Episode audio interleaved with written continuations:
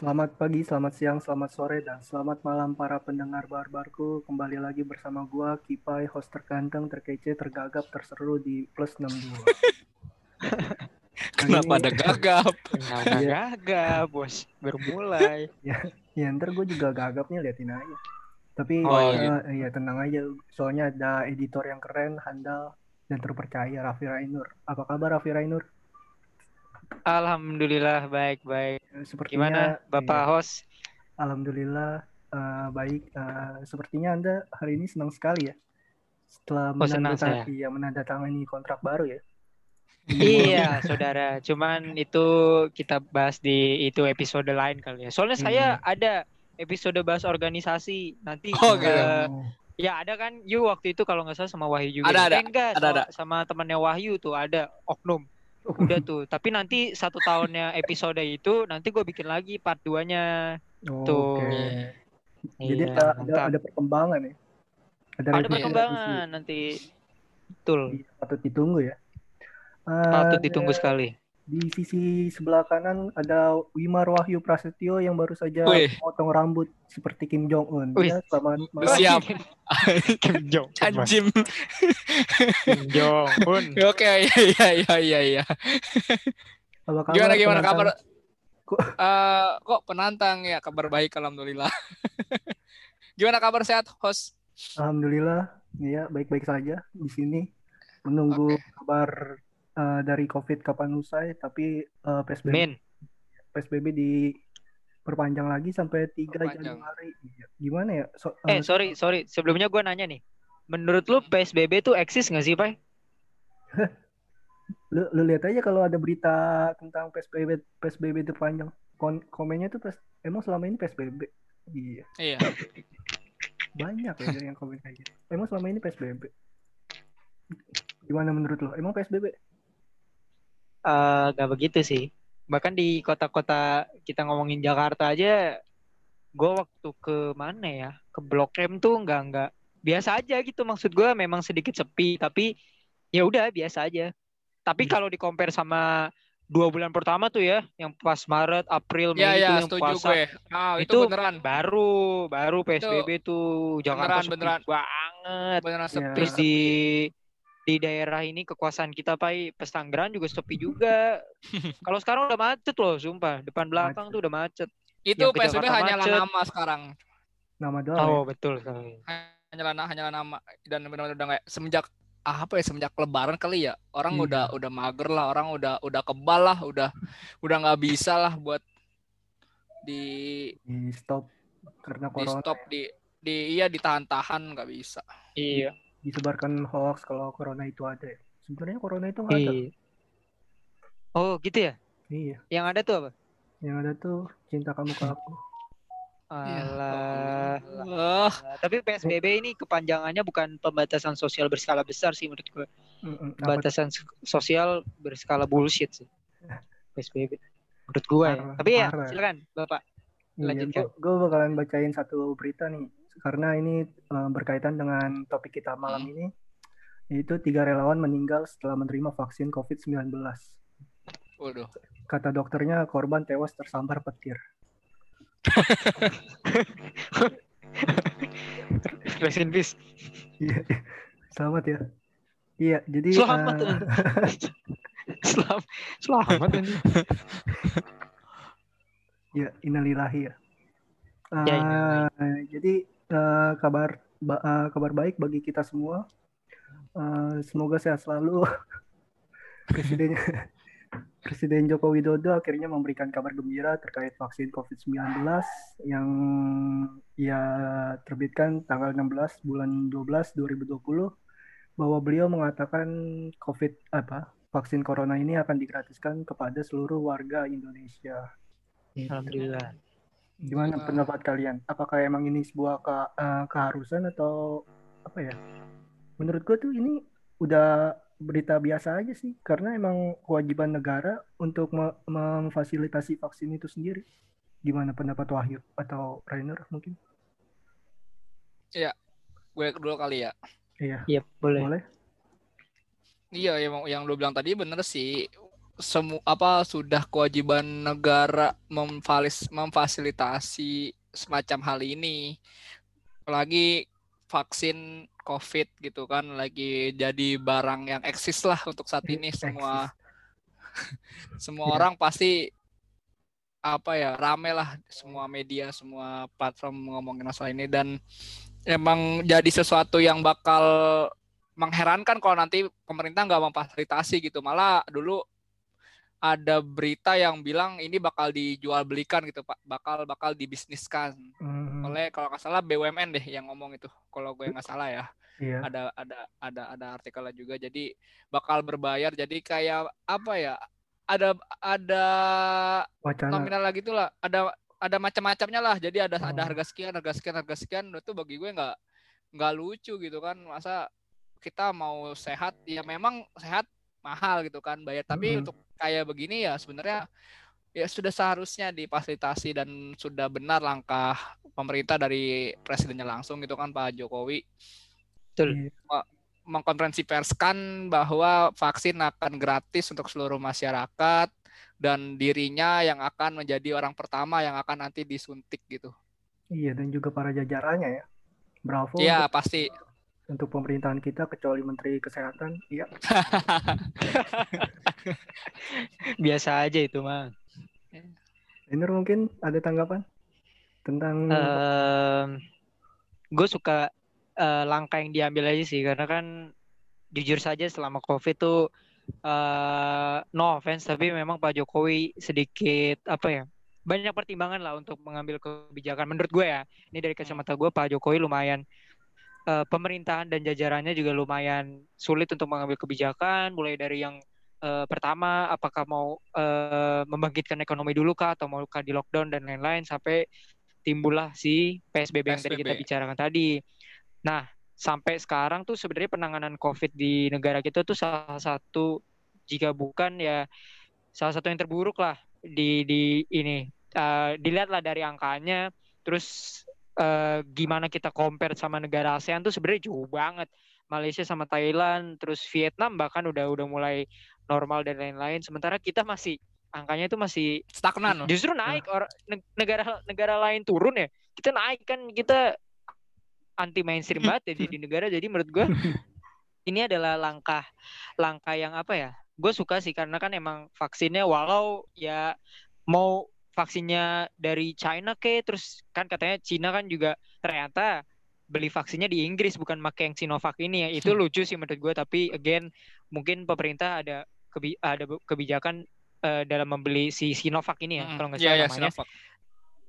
yang gue suka tuh kan kita kebanyakan ini ya kebanyakan apa ya eh cincongnya ya pasti itu ada Hmm. aja gitu bayarnya ada dan segala macam itu tuh Indonesian banget gitu negara kita banget dan dengan Pak Jokowi menggratiskan vaksin ini menurut gua itu apa ya nggak bakal ada oknum-oknum yang bakal berani untuk mencharge itulah jadi kayak kata Wahyu tadi seharusnya memang kesehatan itu mahal tapi kan kalau untuk kayak gini seharusnya negara sudah ya memudahkan kita lah Betul. setidaknya. Apalagi kan beliau juga eh, sesumbar bahwa eh, mau menjadi orang pertama yang disuntik, which menurut Iya. gua Hmm. itu sebenarnya rada risky untuk beliau, tapi itu sudah cukup menunjukkan bahwa Pak Jokowi bisa mengambil keputusan dengan baik sih menurut gua gitu, regardless eh, pilihan politik orang-orang, tapi ini adalah apa ya? ap- eh, kebijakan yang bagus, eh, tepat banget, dan gue berharapnya vaksin ini bisa bisa as soon as possible bisa ya kita bisa balik lagi lah ke ke ke ini lagi ke kehidupan kita satu tahun yang lalu itu dua tahun yang lalu gitu sih. Satu tahun yang kehidupan terbuang biasa ya. gitu. Iya parah banget sih sebenarnya mah Tanggapan yang luar biasa dari Bapak Rainur kuliah SKS 2 2 SKS mantap.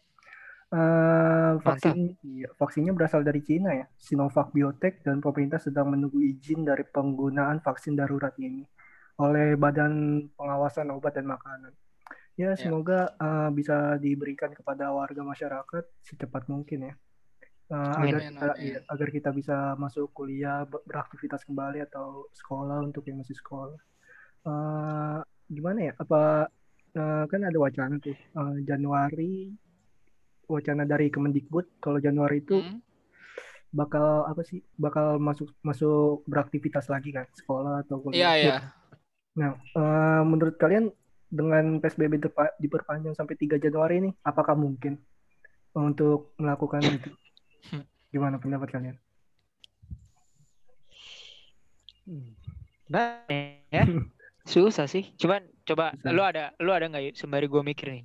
Gue Gue banyak sih. gue waktu itu udah ya sempat juga sih banyak banget tuh di apa info 3 SMA kalau nggak SMA SMA kalau nggak salah tuh gue juga dapat itu di IG apa masalah rencana ya rencana pembukaan kembali sekolah di Januari. Sebenarnya langkah yang berani buat ya buat kita lah. Justru Iya. juga gue harusnya pemerintah emang udah harusnya kayak gitu gitu kan. Berani membuat resi apa bukan buat resiko berani untuk membuat keputusan walaupun memang banyak banget PR yang harus kita lakuin. Kita bu- kita kita gini kita ngebuat kebijakan aja kita nggak kita beda gitu sama negara-negara lain. Kita bisa Iya. ambil contoh Inggris atau negara-negara apa deh. Mereka mengata mereka membuat kebijakan contoh lockdown. Mereka membuat kebijakan untuk satu bulan ke depan gitu kan. Orientasinya tuh mereka satu bulan. Sementara kita tuh buat PSBB hanya untuk 14 hari gitu. Semua kebijakan kita tuh hanya untuk 14 hari 14 hari 14 hari 14 hari. Itu bagi gua yang nggak bisa ini apa virus nggak bisa hilang dalam 14 hari gitu kan Iya. itu ya salah satu salah satu PR yang memang bagi gue itu dari pertama kita udah salah makanya kasus tadi nyambung juga kasus kita makin banyak sebenarnya bukan salah dari warganya juga cuman memang menurut gue sekarang eh apa namanya ya tes testirnya itu udah semakin banyak gitu Iya. karena kan eh, sti- dulu kok nggak salah Pak Jokowi bilang eh, satu hari itu sepuluh ribu sepuluh ribu apa ya spesimen spesimen apa apa tuh bahasanya deh sepuluh ribu inilah sampel sepuluh ribu sampel Covid. pemeriksa gitu Oh, iya. Iya Oh. dari setiap setiap ini tapi kan di, kita di bulan pertama di bulan kedua masih paling 3000 5000 belum bisa memenuhi gitu karena keterbatasan keterbatasan alat dan sumber daya manusia juga dan alat-alat juga terbatas. Nah, sementara kenapa banyak sekarang ya bagi gue karena memang kita ininya sudah semakin banyak, udah semakin ini juga makanya semakin naik ya karena juga kita tahap pengetesannya juga semakin banyak. Makanya sebenarnya Iya. juga kita dari dulu sudah keba udah dari dulu kita sebenarnya udah banyak, udah banyak, udah banyak yang kena. Cuman karena masih ditutup-tutupin, masih jadi suatu yang aib, yang tabu, pemerintahnya belum bisa mengakomodasi itu. Terus kembali lagi ke masalah yang eh, pembukaan sekolah sebenarnya ya bagus dan ada riskannya juga. Karena kalau kita lihat dari sekarang juga bagi gue ya impossible banget sih kalau mau dibuka Januari. Kecuali kalau memang ya ekstrimnya yang mau sekolah ya lu udah divaksin semua gitu kan. Itu Iya. udah Iya. aman, udah udah kebal. Itu baru bolehlah bisa 60% chance-nya gitu kan. 70 60 70 tapi kalau yang masih negara apa masih warga biasa yang masih belum divaksin ya sama aja kayak apa ya? Ntar dulu deh, skip dulu deh. Gitu kali ya. Iya. Heeh. Mungkin kalau untuk di daerah-daerah udah zona hijau banyak banget, banyak banget nggak apa-apa. Malah di daerah-daerah kayak Bogor kalau nggak salah waktu itu juga gue sempat ke sana juga udah udah ada kok sekolah yang Udah buka, buka lagi ya? udah buka tapi sistemnya masih shift mereka. Oh, Oh. sampai malam. Sementara ya? di negara shift 3 dong dia ya. Iya, Sip, Jaga malam. Iya. Jaga malam. Iya sebenarnya kayak gitu mungkin kalau di daerah-daerah ya is oke mungkin p- ke- pembukaan sekolah juga mungkin orientasinya untuk untuk daerah-daerah di luar Jabodetabek atau di luar Pulau Jawa gitu mungkin kalau untuk daerah Jakarta sih Jabodetabek deh menurut gue Mhm. masih terlalu risky sih kalau untuk itu Iya. Mengingat di Jakarta itu juga bukan zona merah lagi, ya, zona hitam. oh hitam Oh, kacau. Hitam pekat, bro. Hitam, hitam kental Hitam. darah, dop itu. hitam kental hitam darah. apalagi apalagi terlepas da- apa sesudah pasca pasca kerumunan di apa Suta sama di Mega Mendung ya itu bagi Oh. gue udah Gue kira, Aduh. gue kira, gue kira di Petamburan. Oh, Iya, sama oh sih, iya. sama sama, sih. sama itu masih Satu berkelan- juga kan. satu juga. Aktornya sama sih. Hmm. Aktornya sih setahu gue mah sama. Iya mungkin Sebenarnya ya itu sih. Iya ini menjadi bridging yang sangat baik bagi gue untuk membahas tentang gue gue nggak gue gue nggak mancing sebenarnya gue nggak mancing itu bener-bener udah keluar aja. Hmm. Mantap. Oke, iya. eh, speaking of eh, apa eh, sebenarnya tuh episode ini kan membahas tentang apa apa aja yang terjadi selama satu sampai dua bulan belakangan ini. ya.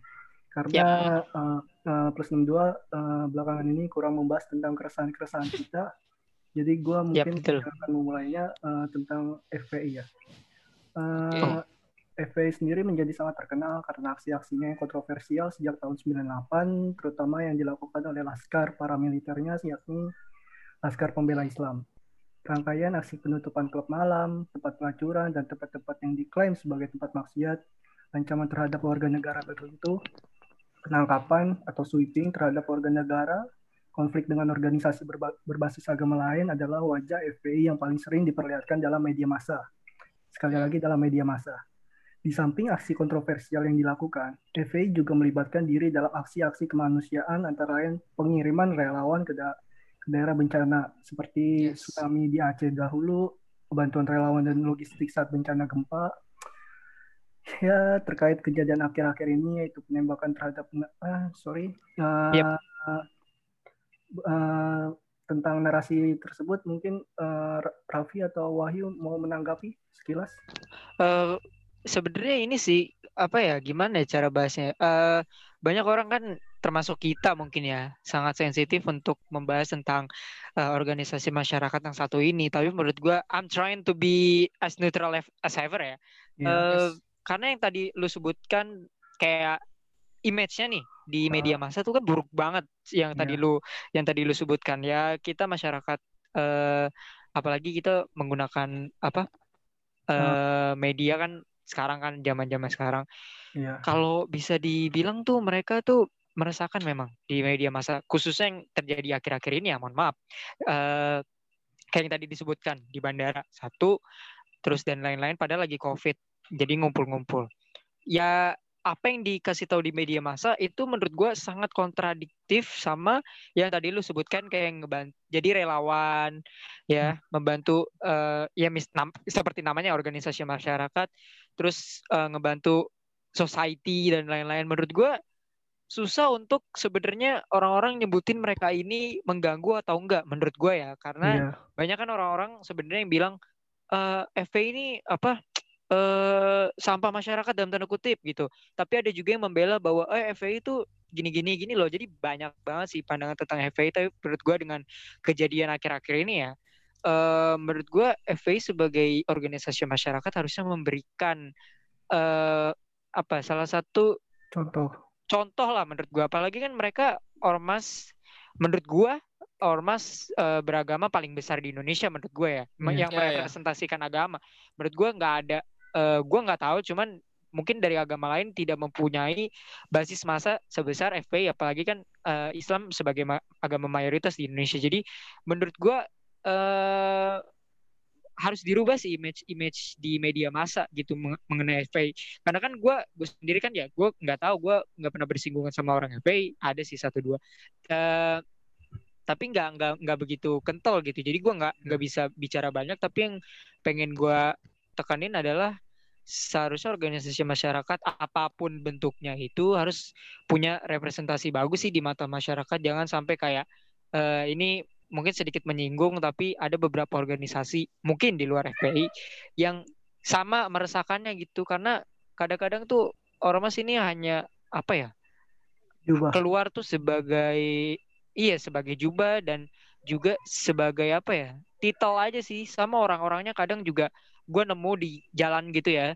Mereka Mhm. pakai eh, baju ormas. Atribut. Eh, ini sekali lagi nih nggak cuma FPI kadang Iya. ribut kadang eh, meresahkan bener-bener meresahkan masyarakat. Jadi esensi organisasi masyarakat itu gue jadi kayak bingung gitu loh sebenarnya eh apa bener-bener organisasi masyarakat atau ada motif-motif tertentu. Apalagi yang kemarin kan yang penembakan. Gue nggak mau bicara bas eh bicara banyak soal ini karena banyak kan ininya masih abu-abu, ada Iya, yang bilang masih A, ada yang bilang B, Ya, ada yang betul. bilang C. Tapi pesan gue sih gimana caranya organisasi masyarakat mungkin harus merubah image mereka sih biar tidak terkesan apa ya meresahkan. Ini nggak cuma FPI aja ya. Iya. Uh, most of ormas di Indonesia, especially di Jakarta sampai Tangerang yang mungkin menurut gue sangat-sangat meresahkan sih sebenarnya kehadirannya. Iya. Nah, itu ya, mantap sekali Rainur. Panjang kali lebar. Wahyu mungkin ada tanggapan? Iya iya. Untuk FPI memang kita ketahui banget sih dari zaman dulu bahkan kalau kita tarik gue emang nggak terlalu gue sebenarnya tahu paham tentang FPI baru SMA sih tapi gue Mhm. udah gue udah itu banyak-banyak baca juga memang ormas ini memang sudah punya peran lah di apa ya bahasanya politik di Indonesia lah. Mereka bukan lagi sekedar ormas bukan lagi sesuatu yang berorientasi agama tetapi mereka juga udah menjadi bagian politik apa kacamata politik kita di di Indonesia gitu. Dari zaman Pak SBY juga mereka sudah vokal menyuarakan eh, aksi-aksi yang memang terkadang bertentangan dengan para pemer- pemerintah gitu kalau kita bisa bilang. Tapi juga di Yep. sisi lain mereka juga terkadang mempunyai satu entitas yang mana yang tadi benar dibilang Renur mereka bisa menjadi uh, dicintai dan juga sekaligus dibenci. Yang mana dicintainya ya mereka Iya betul. mereka terkadang menolong, mem, apa sering juga aktif dalam kegiatan-kegiatan sosial yang mana kayak bencana alam, banjir, tanah tanah longsor dan gempa bumi yang sering terjadi kan di Indonesia gitu. Tapi juga terkadang mereka bergerak secara ekstremis, uh, tidak jarang men-sweeping tempat-tempat yang memang menurut mereka tidak berorientasi dengan apa yang mereka percayai gitu dalam tanda kutip. Yep. Makanya sebenarnya kalau kita bilang perpo kita bilang sepak terjang EPI sebenarnya mereka politiknya ini abu-abu sih itu yang gue bilang yang Iya. tadi lo jelasin. Hmm, Mereka hmm. abu-abu, mereka mereka seperti berjalan di dua arah. Kita nggak bisa ngeliat mereka dari satu sisi. Bener banget tadi yang dibilang Renur. Kita nggak bisa mempresentasikan, me- membuat uh, opini publik bahwa EP itu sebenarnya nggak nggak sepenuhnya salah pure uh, brutal segala macam lah nggak bisa karena juga terkadang framing dari media tuh mempengaruhi banget sih karena yang diekspos oleh media massa entah Iya. itu ya uh, semua lah whatever semuanya memang terkadang yang mereka yang eksposnya yang EPI buat ulas segala macam kayak gitu tapi yang nggak diekspos justru yang gue lihat kadang banyak kok dia uh, membantu menolong Yep. aktif dalam bencana berbaur kok dengan tim SAR dengan Basarnas iya. segala macam berbaur kok dan sisi humanity-nya juga ada lah. Tapi memang itulah framing dari media memang menurut gue sekarang terkadang uh, sudah nggak independen lah sudah nggak secara objektif sudah subjektif banget sih kalau untuk menurut gue. Hmm. makanya sebenarnya bukan kasus EPI aja sih sebenarnya kasus semua yang berorientasi dengan pemerintah memang terkadang digoreng oleh oleh media. To be honest memang lebih condong kita berat ke pemerintah. Gue harus gue harus ngomong sih kayak gitu jadi Oke. apa pun yang bersinggungan dengan pemerintah terkadang kita framingnya baik nih ke pemerintah sementara yang Hmm. lawannya tuh kita sedikit gue nggak bilang itu entah kenapa nggak tahu Eh, sedi- kayak pencitraannya tuh lebih bagus lah untuk sisi untuk sisi pemerintahnya karena bukan hanya untuk dari EPI sih semua masalah yang lain juga seperti itu soalnya Iya, menurut gue juga FPI ini sebagai tindakan aksi terhadap apa ya, eh, kekecewaan masyarakat terhadap pemerintah sih. Nah ya Eh, tapi karena karena aksi mm, aksi-aksi kekerasan itu juga dinilai meresahkan masyarakat, termasuk yes. dari sebagian golongan Islam sendiri, beberapa ormas Mhm. menuntut ya eh, citranya jadi jelek sih. Mulai itu sih. betul Khususnya akhir-akhir ini sih menurut gue ya memang Ya, soalnya pada kenyataannya tindakan mereka itu agak sedikit bertentangan dengan prinsip dan ajaran Islam itu sendiri sih. Bahkan Betul, tidak setuju, menjurus ke setuju. vandalisme gitu.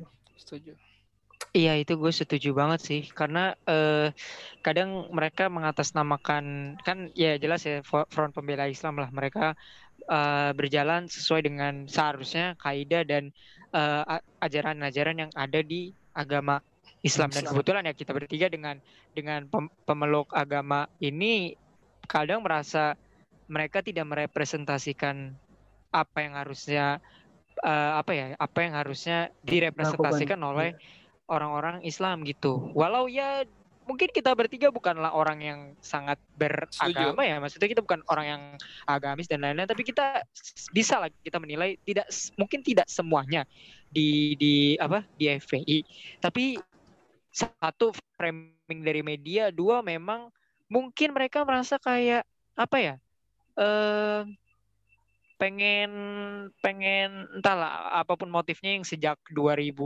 kasus 2016 yang ya we know what gitu. Tapi gue merasa kayak eh ormas-ormas ini apalagi yang eh, berdiri karena sebagai representasi agama tuh menurut gue kadang merasakan aja sih. Karena kadang mereka tidak merepresentasikan apa yang harusnya diajarkan itu loh. Jadi ya vandalisme yang kayak di bandara dan lain-lain jadi menurut gue sih kayak kayak pesan gue tadi seharusnya organisasi masyarakat itu harus punya rep, eh, citra yang bagus. Nggak sih sama 11-12 lah kayak kita ngomong ke public figure lah. Iya. Walau Ya. organisasi masyarakat itu bukan ya kita belum tentu kenal sama mereka tapi kan mereka punya apa ya? Punya kepala dalam tanda kutip yang dikenal banyak orang misalnya dalam kasus ini FPI mempunyai eh, Habib Rizik ya Imam besar Habib Rizik yang menurut Ya. gue juga seharusnya merepresentasikan eh ya men- menurut gue beliau beliau itu udah public figure sih karena kan banyak yang mendukung. Satu banyak yang mengidolai juga. Punya masa yang besar menurut gue kalau public figure tuh punya masa yang besar ya kan. Kita kita bisa lihat lah kemarin di bandara se, se- sebesar apa sih itunya masanya Habib Rizik termasuk eh, yang kemarin-kemarin. Jadi menurut gue eh, seorang public figure itu harus mempunyai citra yang bagus termasuk dalam menggiring ya ininya apa Umat. eh fans dalam tanda kutip penggemar atau pengikutnya ke arah yang seharusnya apalagi kita tinggal di Indonesia ya di mana apa ya norma atau moral tuh sangat dijunjung tinggi jadi ya gue berharap sih organisasi masyarakat bisa memberikan citra yang bagus ke depannya gitu sih Mhm. Nah, itu menurut gue jatuhnya juga ke sisi ini sih, karena kan tadi gue se- sedikit nyinggung eh apa organisasi yang merepresentasikan ini ya, Iya. merepresentasikan agama, itu juga berangkat ke apa ya toleransi di di negara kita sih menurut gue eh dengan dengan power yang dimiliki oleh or- ormas ini ter- termasuk yang kita bilang FA jadi menurut gue toleransi itu di Indonesia jadi apa ya mereka tuh kadang membuat eh bumbu-bumbu malah membuat bumbu-bumbu perpecahan di antara kita gitu loh. Baik Hmm. ses- sesama sesama umat muslim ya ataupun bahkan sama apa orang lain di luar agama kita gitu. Dan menurut gua toleransi di Indonesia ini akhir-akhir ini masih di jalan abu-abu gitu loh. Kayak orang orang nih mau sebenarnya kayak mau toleransi tapi kadang toleransinya eh, modus yang ngejek-ngejek agama lain gitu ya bercanda-bercanda aga- agama lain dan dibungkus dengan toleransi tapi kalau menurut lu Pai eh, kita nih sebenarnya dengan ya tadi kita bilang kayak ormas-ormas ini eh, gimana mereka merepresentasikan agama menurut lu toleransi di Indonesia ini em, apa ya di semakin terkikiskah dengan adanya apa ya adu domba di- Iya. dari tiap agama kah atau semakin solid dengan adanya orang-orang yang aw- awake gitu terhadap toleransi di Indonesia? Ya eh, untuk apa ya eh, makin ke sini sih dari 2020 ke atas tuh kayaknya 2016 eh, semenjak pemilihan presiden tuh eh, toleransi di Indonesia mulai terkikis terkikis terkikis dan sampai mungkin bisa tidak ada lagi dan bisa jadi perpecahan di di NKRI ini itu sih Eh, kayak apa ya sekarang tuh eh, kalau dulu tuh lu bercandain agama tuh kayak ya udah itu cuman sekedar bercanda walaupun agama tuh emang nggak kurang pantas ya. Tapi kalau lu bercanda sama temannya sama temen lu sendiri tuh it's okay sih menurut gua. Wala-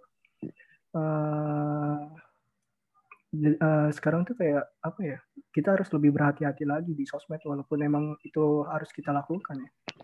Tapi balik lagi mungkin eh, Indonesia akan segera membaik sih mudah-mudahan Amin, amin, amin. Amin, amin, amin.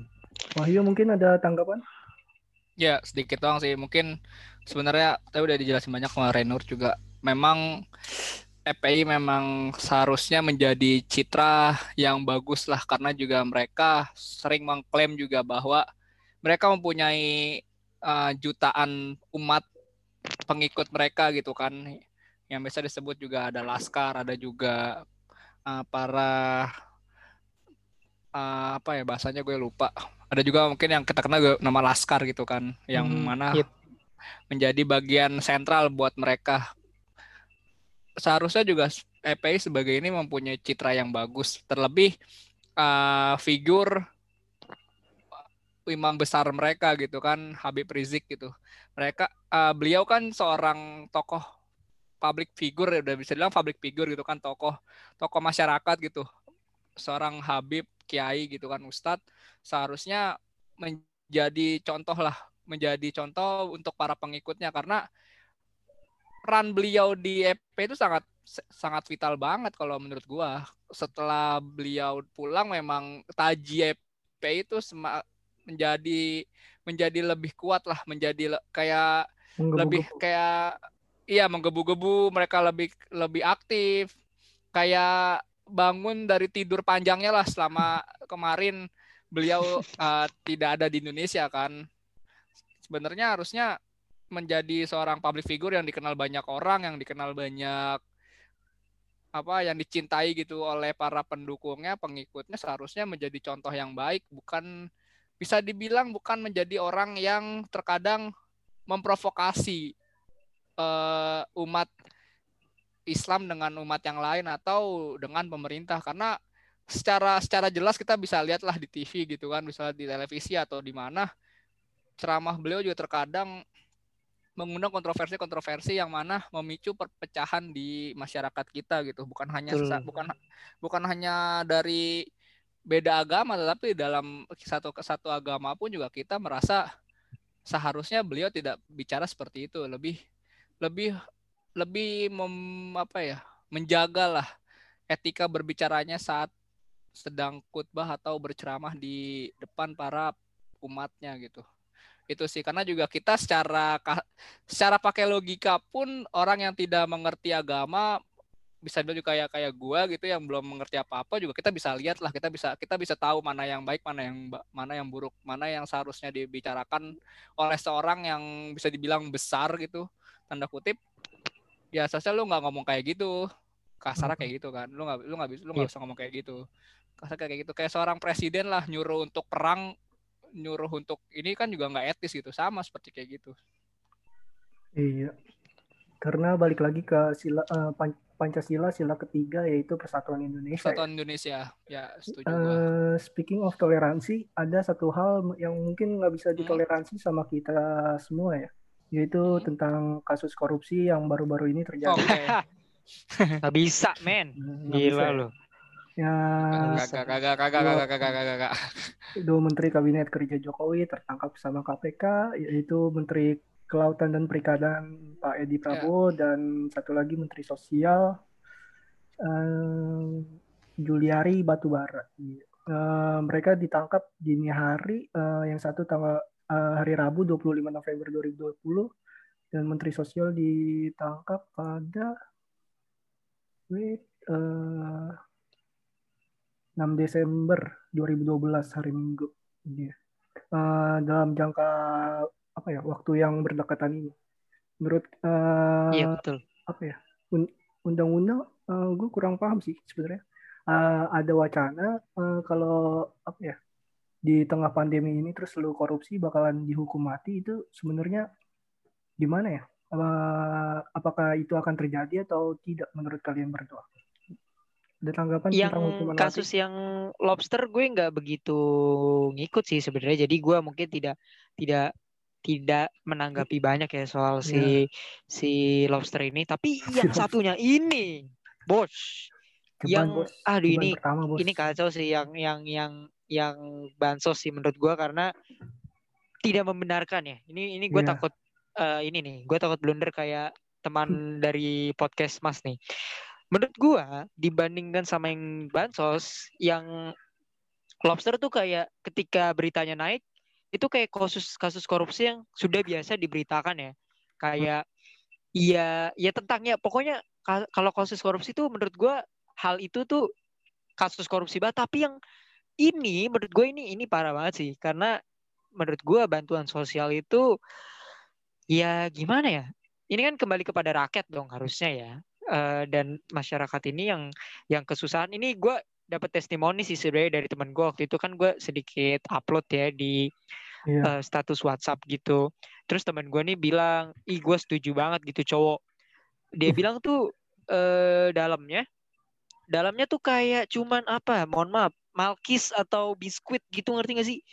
Jadi itu Oh, menurut iya, gue, wah gila sih kalau dalam dalamnya tuh katanya dia bukan makanan pokok gitu. Oke, dapat beras dan lain-lain, tapi makanannya tuh kayak dia bisa beli sendiri, ngerti gak sih maksud gue? Oh iya iya. Eh, seharusnya Ya, kalau bansos tuh bukan lu dapat makanan bukan- pokok gitu, Bukan sembako. sembilan, iya bukan sembako, sembilan bahan pokok. Iya, harusnya dapat sembako. Dapatnya kayak biskuit atau eh, kaleng sarden, kaleng sarden gak tuh? Gila gak lu? Jadi teman gue mungkin udah curiga, tapi mungkin melihatnya kayak ya segini effort pemerintah lo ternyata bos dikorupsi loh. Maksud gue Iya. ini bansos loh, men. Maksud lu ya ini kayak men- menurut gue ya hal ini tuh udah udah udah udah dibentuk sejak kita dari dulu sih. Gue rasa ini doi ini si mensos ini Mhm. gue rasa sering ngelakuin ini pas SMA atau pas kuliah gitu. Jadi kayak ada apa-apa tuh pasti minta minta apa ya tebusan lah. Ibaratnya kayak jaket angkatan lah. Pinggiran, pinggiran. kayak almet almet angkatan lah. Gue tuh pernah ini mungkin buat teman-teman angkatan gue yang denger sorry tapi ini pengalaman gue aja sih.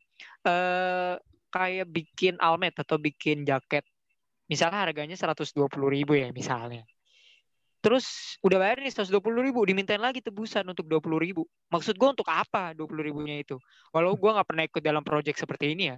Tapi Iya. gue gue mendengarkan teman-teman gue atau yang diminta dikolekin lah dalam is- istilah kita itu buat gue aneh sih. Tambahan 20 ribu tuh buat apa? Buat lu tuh buat apa gitu? Bukannya jaket ini tuh cuma 120 ribu. Nah balik lagi ke isunya si beliau tadi. Dia minta 10 ribu ya wacana ya di situ. 10 ribu di situnya menurut gue buat apa gitu? Kenapa nggak disalurin langsung kepada apa? Kepada orang yang butuh bantuan sosial? Mhm. menurut gue sih ini alarm sih. Si ini kasus ini tuh alarm buat kita banget. Apa menurut gue ya karena sepuluh ribu eh maksudnya apa-apa dikorupsiin tuh itu menurut gue Iya. udah jadi hal yang hal yang serius banget di sini. Hal-hal kecil tuh emang dimulai dari hal-hal kecil sih Pak. Kayak tadi gue bilang tuh kayak jaket angkatan. Emang sih terkesan sepele dua puluh ribu tapi kan lu menyusahkan orang satu. Kedua buat apa? Lu lu mau mau ngambil insentif dari orang-orang yang lu mintain duit kah gitu. Jadi ada ada ada aja gitu additional paymentnya tuh ada aja gitu. Kayak mau masuk sekolah nih contohnya. Mau masuk sekolah. Yang harusnya nggak bayar tapi dimintain duit administrasi gitu. tiga puluh ribu. Ah itu kan udah bentuk korupsi menurut gua menurut gua ya yang seharusnya gratis bayar yang seharusnya bayar segini ditambah bayar segini misalnya eh, bikin KTP misalnya ya. bikin Iya. KTP harusnya gratis tapi ada aja additional paymentnya tuh orang Indonesia ada aja gitu heran gua ada Ya, aja kita mencari kesempatan, mencari apa? Keuntungan di dalam kesempitan, apa sih gimana sih? iya Gitu ya. mencari ya ada udang di di balik batunya lah gitulah ada baunya gitu Hmm. mencari kesempatan dalam kesempitan gitu Nah, lah iya bahasanya itu. Akhirnya ketemu juga. Emang Uh, ngeselin sih. Ya sepuluh ribu eh, per orang juga. Eh, waktu itu gue juga sempat apa ya dapat apa ya dengar dengar dengar ya. Soalnya kan gue termasuk orang yang dapat bansos. Eh, waktu itu gue dapat beras dan lain-lain. Eh, gue eh, disuruh nenek gue buat bantu ngangkatin nah pas gue lagi ngangkatin itu gue dengar apa namanya sebuah perkataan. Jangan lupa ya cobaan untuk eh, untuk oh, apa namanya untuk bensin bla bla bla bla. Gue kira itu emang untuk bensin soalnya kan ngangkutnya pakai mobil bla bla bla bla bla PT PT lah gitu. Soalnya nggak disediain mobil dari eh, kementerian. Dan ternyata ada udang di balik batu. Menurut gue itu udah pemeras sih Pai. Seharusnya Hmm. Dia udah dapat jatah itu tuh dia udah- dia udah dapat ngerti gak sih? Harusnya Hmm. tuh dia udah dapat dari yang suruh dia tuh dia udah dapat jangan dia minta ke masyarakat Masyarakat. seperti kita gitu. Regardless regardless itu cuma sepuluh ribu. Tapi kalau dia min dia ngasihnya ke satu RT dia udah dapat berapa? Itu udah bisa beli makan banyak itu untuk Iya. seminggu. Menurut gua gitu sih hal-hal Iya. kayak gitu. Kalau menurut lu yuk gimana yuk? Soal korupsi mensos deh nggak usah yang lobster ini deh Iya. Wahyu sepertinya fake pak. Di stop dulu apa gimana? Apa? Halo, iya, sorry sorry. Commute, commute. Commute. Tadi tadi commute, sorry sorry. Ya ngomongin masalah bansos. eh gue sebenarnya nggak mau ngomongin bansos dulu nih, gue yang kecil dulu. Bener tadi yang lu bilang tentang apa pun ada additional payment-nya itu, ah itu bisa bilang bangsat banget lah. Di di di apa di lingkup RT pun kita ngurus masalah surat apa sih kalau mau bikin SKCK tuh ke surat RT, surat RW, Iya iya. itu ada ada biaya ada Iya. biayanya ada biaya administrasinya. Dalam artian kan ya cuma selembar cek surat keterangan ya surat keterangan. Surat keterangan itu kita bayar dua puluh ribu bayar tiga ribu ya. Buat apa gitu kan? Itu kan emang sudah tugasnya mengayomi gitu namanya lu seorang pejabat.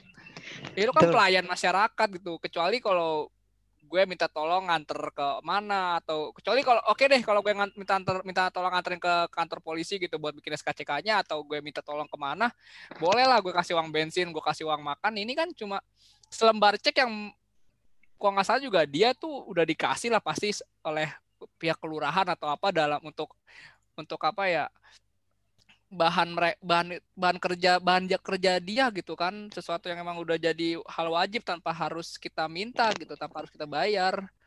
Terus juga bahasa SKCK juga kita kalau mau apa pun juga bikin lah apa ya bayar juga. Emang Indonesia tuh kayak gitu tuh gue sebenarnya udah nggak suka gitu. Tapi terkadang juga orang tua juga bilang ya itu kan namanya biaya administrasi. Kagak ada. Gue juga belajar kayak gitu. Gue bener pengen sering gue sering lawan kayak gitu. Gue gue tahu nggak ada kayak gitu gituan kalau nggak gitu nggak cepat ya. Justru itu yang harusnya di, di itu itu bener ya. Kalau nggak gitu kalau nggak gitu nggak cepet bener emang bener.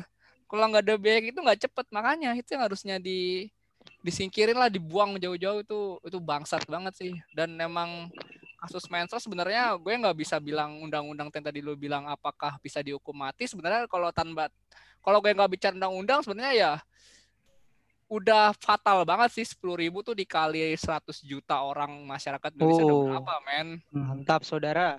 Ya, malah katanya ada yang bilang bukan sepuluh ribu tiga puluh ribu malah Aduh, gila nggak tuh. Sepuluh ribu aja udah hina.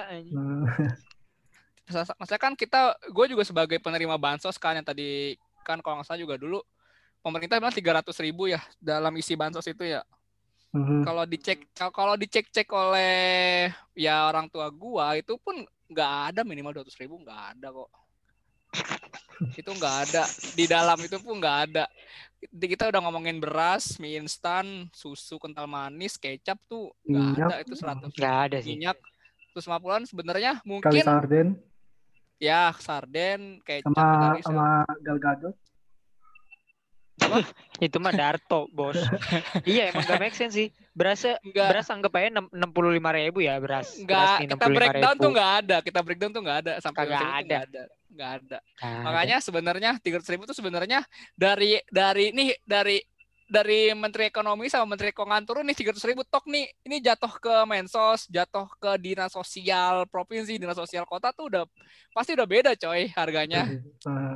Betul sekali, bos. udah beda tuh udah beda, udah beda udah beda Awalnya banget. dianggarinnya, dianggarinnya segini ya kan. Pas udah nyampe Iya. bawahnya seratus lima puluh ribu gitu, seratus lima puluh ribunya udah Gitu. diambil. iya sebenarnya sebenarnya masalah kayak gini birokrasi kayak gini makanya bangsat birokrasi kayak gini bukan cuma di di apa di masalah menteri sosial. Semua semua proyek anggaran pemerintah pun udah jatuh di da- di jatuh di lapangan tuh udah beda sama sa- sama harga turun itu beda. Dari harga turun sampai jatuh ke si penerima itu udah beda. Semua semua proyek lah kita nggak usah kita kita tuh udah jadi rahasia umum. Makanya itu yang jadi penyakit Indonesia tuh kayak gitu. Iya. Dan Eh, memang- mhm. nggak Apa? ada nggak ada nggak ada kepala negara yang berani benar-benar untuk apa ya mengeksekusi lah si para koruptor jahanam ini untuk tindakan yang tegas. Iya. Em, nanti kena senggol sama hak asasi manusia juga sih. Tapi eh, Ah, kita bicara oke deh. speaking of hukum di Indonesia, menurut kalian hukum di Indonesia itu udah termasuk adil apa belum ya? Nah ini sih sebenarnya yang gue pengen tanya ini. Nah, ini ini sebelum sebelum gue jawab ya, menurut gue sih nggak adil. Tapi pertanyaannya, kalau kita ngomongin korupsi, nah Iya. hukum ini kalau ngomongin adil nggak adil, menurut kalian, menurut lu Depai, koruptornya harus dihukum mati nggak? Kalau untuk gue hukuman mati enggak sih, tapi seumur hidup, penjara seumur hidup sih. Ya. Gitu. Soalnya kalau lu hukuman mati ya udah penderitaan lu udah sampai situ doang, tapi kalau seumur hidup lu hidup cuman ya udah di penjara doang. Ada Tapi kalau penjaranya kayak Pak Setia Novanto, kan enak tuh dase-nya. Iya juga ya. Eh, mungkin ya Ada PS5 ntar. Ku- enak. ku- kudu dibenahi lagi sih emang dari penjaranya. Jangan eh, jangan mentang-mentang penjara penuh juga dilepas ya. Napi asimilasi. Iya lah. Tapi Ntar ya, di penjara main Cyberpunk 2077 kan Aduh. gue juga mau. ya, Mending gue korupsi. Aduh, aduh, aduh, aduh, aduh. Mungkin, eh, dari hukumnya itu sendiri sih ya, berarti yang harus dibenahi. Mungkin eh, ki- eh, kita butuh kepala kepala pemerintahan yang benar-benar tegas kan. Harusnya, harusnya. Tapi kalau menurut lu yuk gimana yuk? Koruptornya harus dihukum mati nggak? Menurut lu ya? Ya, sebe- mungkin sebenarnya kalau dihukum mati gue setuju sama Kipai enggak karena semua kita berbicara masalah hak asasi manusia semua but semua orang pasti bisa berubah gitu kan semua orang bisa berubah dan semua orang bisa untuk dimaafkan tetapi Mantan memang ya jadi sama sama gue juga tapi gue bersyukur sih ya Bisa putus. Alhamdulillah. Lu, en- alhamdulillah lu enak, masih ada ya kan. Nah kita, Iya, masalahnya orang-orang koruptor di kita tuh nggak tahu malu itu yang menjadi masalahnya. Kita yang kita yang ngomongin koruptor hukum mati itu semua orang-orang yang gemes karena ngelihat tingkah laku mereka tuh yang nggak merasa bersalah itu doang sih. ya, Kalau Aku bangga gue. sekali pakai baju oren. benar. Mereka cengar-cengir bos di depan Hmm. di depan di depan konferensi pers pakai baju tahanan KPK coba. itu yang bikin orang jadi punya stereo apa opini-opini udahlah hukum mati udahlah jadi aib negara doang karena mereka yang gemes ngelihat para si koruptor ini cuma cengar-cengir doang nggak punya rasa bersalah gitu. Mhm. lain sama di Iya. Jepang lain lain sama di negara-negara ya Jepang Korea dan negara-negara yang lain mereka tahu malu gitu mereka nunduk. Malah di Jepang mereka malah bunuh diri karena merasa malu. Gue nggak tahu Hmm. namanya apa gitu. Harakiri. hara hara- harakiri ya Hmm, bener harakiri mereka wah itu Kalau di ya, malu. Kalau di Indonesia minimal minimal mereka mengundurkan diri lah Iya, itu minimal sih. mereka Mundur mengundurkan sih. mundur Ih, kita malah makin maju bos Enggak, enggak, Iya. seenggaknya tuh mereka nggak nggak nggak dapat jabatan atau kerja. Seenggaknya hidupnya ya hidupnya merana lah. Iya sih, harusnya gitu sih. Harusnya gitu sih. Tapi ini ada aja koruptor yang besoknya nyalonin lagi, besoknya nyalonin lagi. Nah, dan malah skep apa stereotip di kita tuh malah yang hina tuh malah narapidana yang dalam tanda kutip aksi kriminal gitu kan. Itu bagi gue nggak adil sih.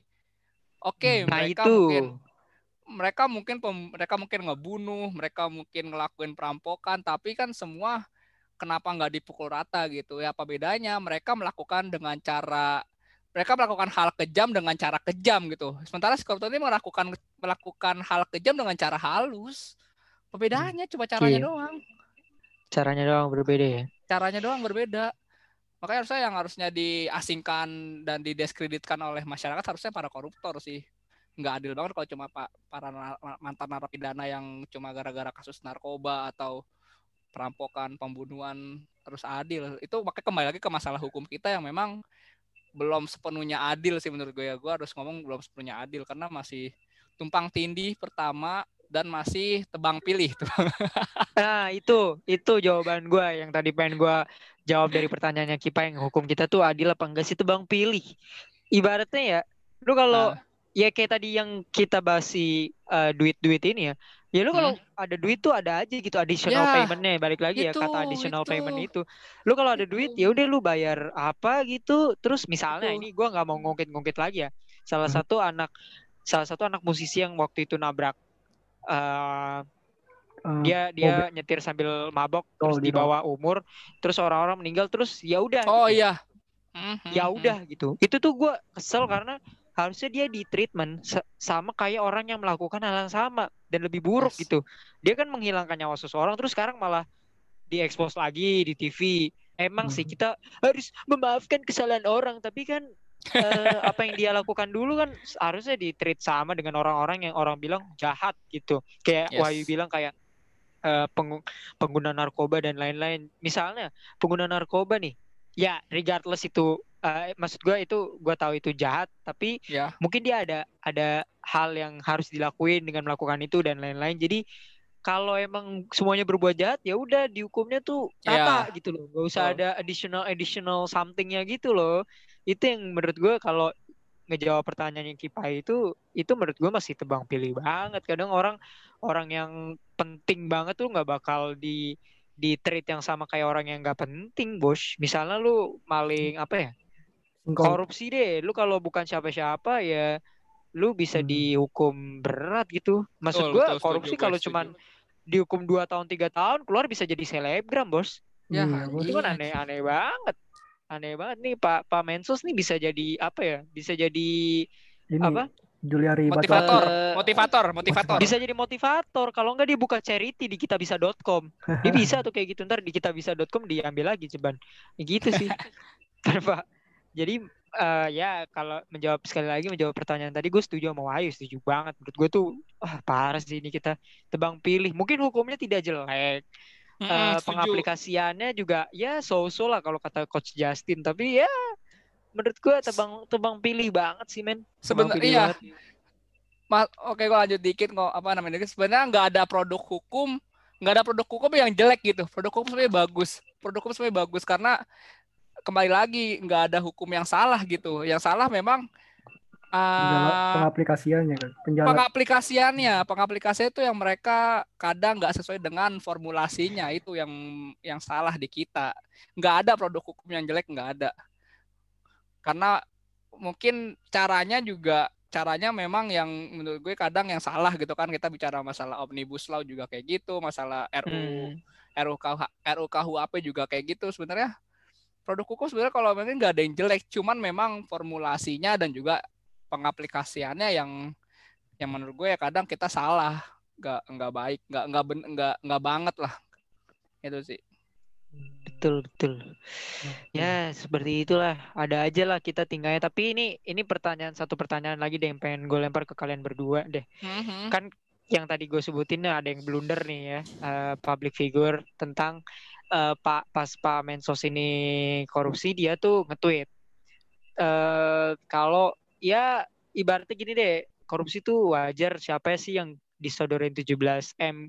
Eh, nggak bakal mau gitulah istilahnya gitu. Sedikit mendukung korupsi tapi dia bilang sebenarnya tweet gue multi tafsir gini-gini. Menurut lu pai? Eh kalau lu disodorin nih 17 m nih pak kipai gitu nih 17 m nih. Gak usah tanya dari mana dah pokoknya Hmm. buat lu dah gitu. Lu terima apa enggak Ya, gue realistis aja sih. Eh, mungkin ada contoh berita, yaitu seorang public figure dengan sosok keluarga, rukun, dicintai jutaan orang, tiba-tiba ketahuan tidur sama Gal Gadot. Ya, komentar gue bakal saudara Gal Gadot. Gadot. Telanjang di depan mata siapa yang gak gentar, anjir. Gitu sih. Iya. Iya sih. Ya berarti lu trying trying to be realistic aja ya. Iya, trying to realistis, realis, ah, realistis aja sih. realistis Tapi Soalnya- kan lu tahu kalau itu korupsi. Ya kan di Indonesia Misalnya, kagak, misalnya. kan di Indonesia kan dua tahun tiga tahun bebas. Oh iya sih. Keluar jadi hanya Geraldine. Enggak sih bercanda hanya kalau menurut lu yuk lu Iya. kalau disodori nih 17 M nih. Pak Wahyu Ah. nih nggak usah nanya dah dari mana dah. Pokoknya ambil aja dah. Pak Wahyu dah. Ambil aja dah gitu. Lu terima. Iya. Gini ya, aduh, sebenarnya gue nggak mau munafik, cuman yang bilang Rifki Pai semua orang juga pasti, ya lu kalau ada duit 17 m dapat lu, ya lu realistis ambil lah ya. Semua pasti kayak gitu. Iya. Mungkin semua bakal mengelupakan duniawi lah kalau kita udah bahas- bicara masalah uang sekelas sekelas Imam Nahrawi yang gue pikir orang baik pun Oh, di, di di di Kemenpora juga akhirnya kena juga kan masalah korupsi. Iya. Tapi ma- masalah kita yang memang yang seharusnya bisa dicegah adalah edukasi sih, edukasi dan juga kesadaran diri gitu. Karena memang di kita tuh orangnya nggak tahu malu itu orangnya. Nggak tahu malu dan memang orangnya tuh nggak takut. Orang kita tuh nggak pernah takut. Ini itu. Kalau kita punya rasa takut kita punya kita punya kita punya apa ya edukasi tentang hal kayak gini mereka pun tanpa tanpa banyak cincong pun dalam dalam pemikiran dia tuh udah berpikir nih duit apaan ya tiba-tiba kayak gini mereka tuh udah pasti berpikir lah kita tuh kita tuh nggak kita tuh nggak kekurangan orang pinter kita kekurangan orang orang cerdas sih menurut gue karena itu orang-orang yang korupsi itu orang-orang pinter semua bukan orang yang cerdas Yoi. Yoi, betul. Eh, makanya kita harus revolusi akhlak sih sejak dini. Oh, jelas. jelas setuju gue Iya. Oh, maaf maaf gue ketawa banget tapi sebenarnya kalimat itu tuh multi tafsir ya sebenarnya ya tapi nggak Hmm. salah tapi mungkin eh, cara penyampaiannya aja revolusi Iya, akhlak. memang. sebenarnya lucu sih ada di semua baliho-baliho di kota-kota terdekat anda padahal sebelum sebelum itu bakal ada wacana digulung gue udah pengen pakai pilok itu udah pengen Nah, tanya Angel, tanya Angel, kenapa tuh mau lo apain tuh pengen gue pilok aja datanya asal gue ke rumah dia, asal gue pulang ngampus. Anjing, ngelihat mulu anjing. kesel, kesel aja ada gue. di mana-mana ya ini kayak Eh, ter- kayak ini sih kayak Spider-Man ya Eh, Spider-Man Nggak Far From. Home tuh yang Miles pas Morales. Tony Stark di mana-mana tuh. Pas Oh, gitu. Tony Stark meninggal di mana-mana Iya. kan. Eh, Iya. mukanya, muralnya itu kayak gitu sih menurut gua. Itu Iya, dat- kayak ah kok every everywhere I go I see your face. dan ternyata dan ternyata Bapak Pangdam mempunyai hal yang serupa akhirnya ya baguslah jadi ide saya sudah terrealisasikan oleh beliau gitu amin, amin. Alhamdulillah. iya Ya, semoga Indonesia semakin membaik ya dengan adanya hantaman-hantaman keras di 2020 ini dari COVID, Iya, So, man. Kacau, kepulangan imam besar dan sejumlah menteri yang korupsi itu sih. Semoga Indonesia menarik sih menarik kalau masalah menteri menarik sih gue gue masih mendukung menunggu, menunggu Pak Jokowi untuk reshuffle sih menarik menarik Eh, soalnya gue tadi- udah bener-bener untuk Tadi gue baca berita sih eh, udah mau reshuffle sih. Dia kan orang Jawa, Iya. jadi nungguin Kliwon. Iya dan dari dari dari dari dari dari track record dari season pertama dia dari periode Nah, pertama dia pertama dari per- dari periode pertama beliau beliau juga dulu kalau nggak salah bertepatan dengan ulang tahun beliau ya kalau nggak salah ya reshuffle-nya ya. Masa sih? ulang tahun atau Oh iya ya. ulang Oh gue kurang ulang tahu ta- tuh, gue kurang ulang tahu. tahun atau tadi yang lu bilang tuh yang tunggu tunggu tanggal Kliwon atau apa tuh Kliwon. karena du- iya gue tadi kalau nggak salah dat- dapat deh di notif CNN gue Mhm. kayak gitu gue lupa gue belum baca tapi iya Oh. makanya pas Gue orang Jawa tadi sih, cuman ada ada ininya, ada hal-hal yang superstitious gitu ya ternyata. Wow, banyak keren banget sih. keren keren. Nah, ya itu sih. Semoga Indonesia semakin membaik dengan menterinya di reshuffle berapa udah berapa kali ya? Amin. Berapa kali ya? Empat, tiga. untuk tahun ini nggak ada untuk Freddy belum ada Ya, kami- Periode ini kami- sih baru baru nanti sih. baru Cuman baru selama Sun Tubi baru Sun selama- Tubi ya baru sama kepemimpinannya Jokowi tuh ya ada lah. Udah Empat. udah dua dua tiga kali lah. iya Setahu gua ya. Iya, gitu Tapi, sih. Biasanya kalau eh, kalau dua periode emang aneh-aneh sih biasanya. Tapi terkait eh, aja. eh, bukan disrespect atau apa ya, eh, dibanding menteri apa dibanding kabinet kerja sebelum Pak Jokowi ini ada lebih banyak siapa ya eh, untuk korupsinya? Em, oh gua gua kurang tahu ya, tapi ada pas periode duanya Pak SBY sih menurut gue lumayan Iya, ini banyak sih di mana-mana sih. Menurut gua Lumayan ya, besar karena gua masih SMP waktu itu ya, menurut gue sih lumayan banyak sih pas banyak, banyak, periode banyak. dua. Iya, Dia kan gue bilang tadi periode dua periode tuh udah periode keduanya tuh udah aneh-aneh Kayak, aja sih, eh, ada aja modelannya. karena gini karena gini bos kalau politik itu waduh Oh, kalau kalau kalau di periode pertama tuh mereka masih framing mereka mereka masih pencitraan Oh, iya, semuanya framing. Oh, mereka iya, masih betul. pencitraan mereka masih mengejar season kedua mereka gitu kan periode kedua iya, mereka Season kedua anjing. dan benar yang lu bilang kalau mereka sudah masuk ke periode kedua tuh tabiat akhlak eh, nggak akhlak lah, tabiat dan sifat mereka tuh baru keluar semua. Anjay. Kita harus kita harus Hmm. bilang, kita harus kita harus itu kita, kita harus realistis. Kita kita baru bisa ngeliat wajah Pak Jokowi yang sekarang kayak gimana, dulu bisa lu bisa menilai.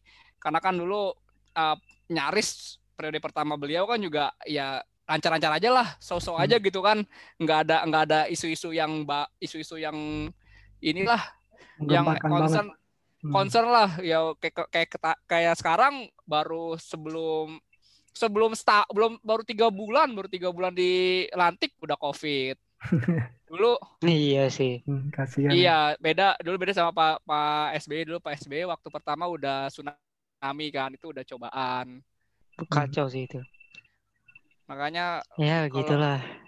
periode kedua tuh baru baru terlihat lah wajah asli para pemimpin. Bukan hanya di Indonesia sebenarnya sih. Di seluruh eh, di Banyak ini ya, seluruh- banyak banyak banyak betingkahnya ya. iya.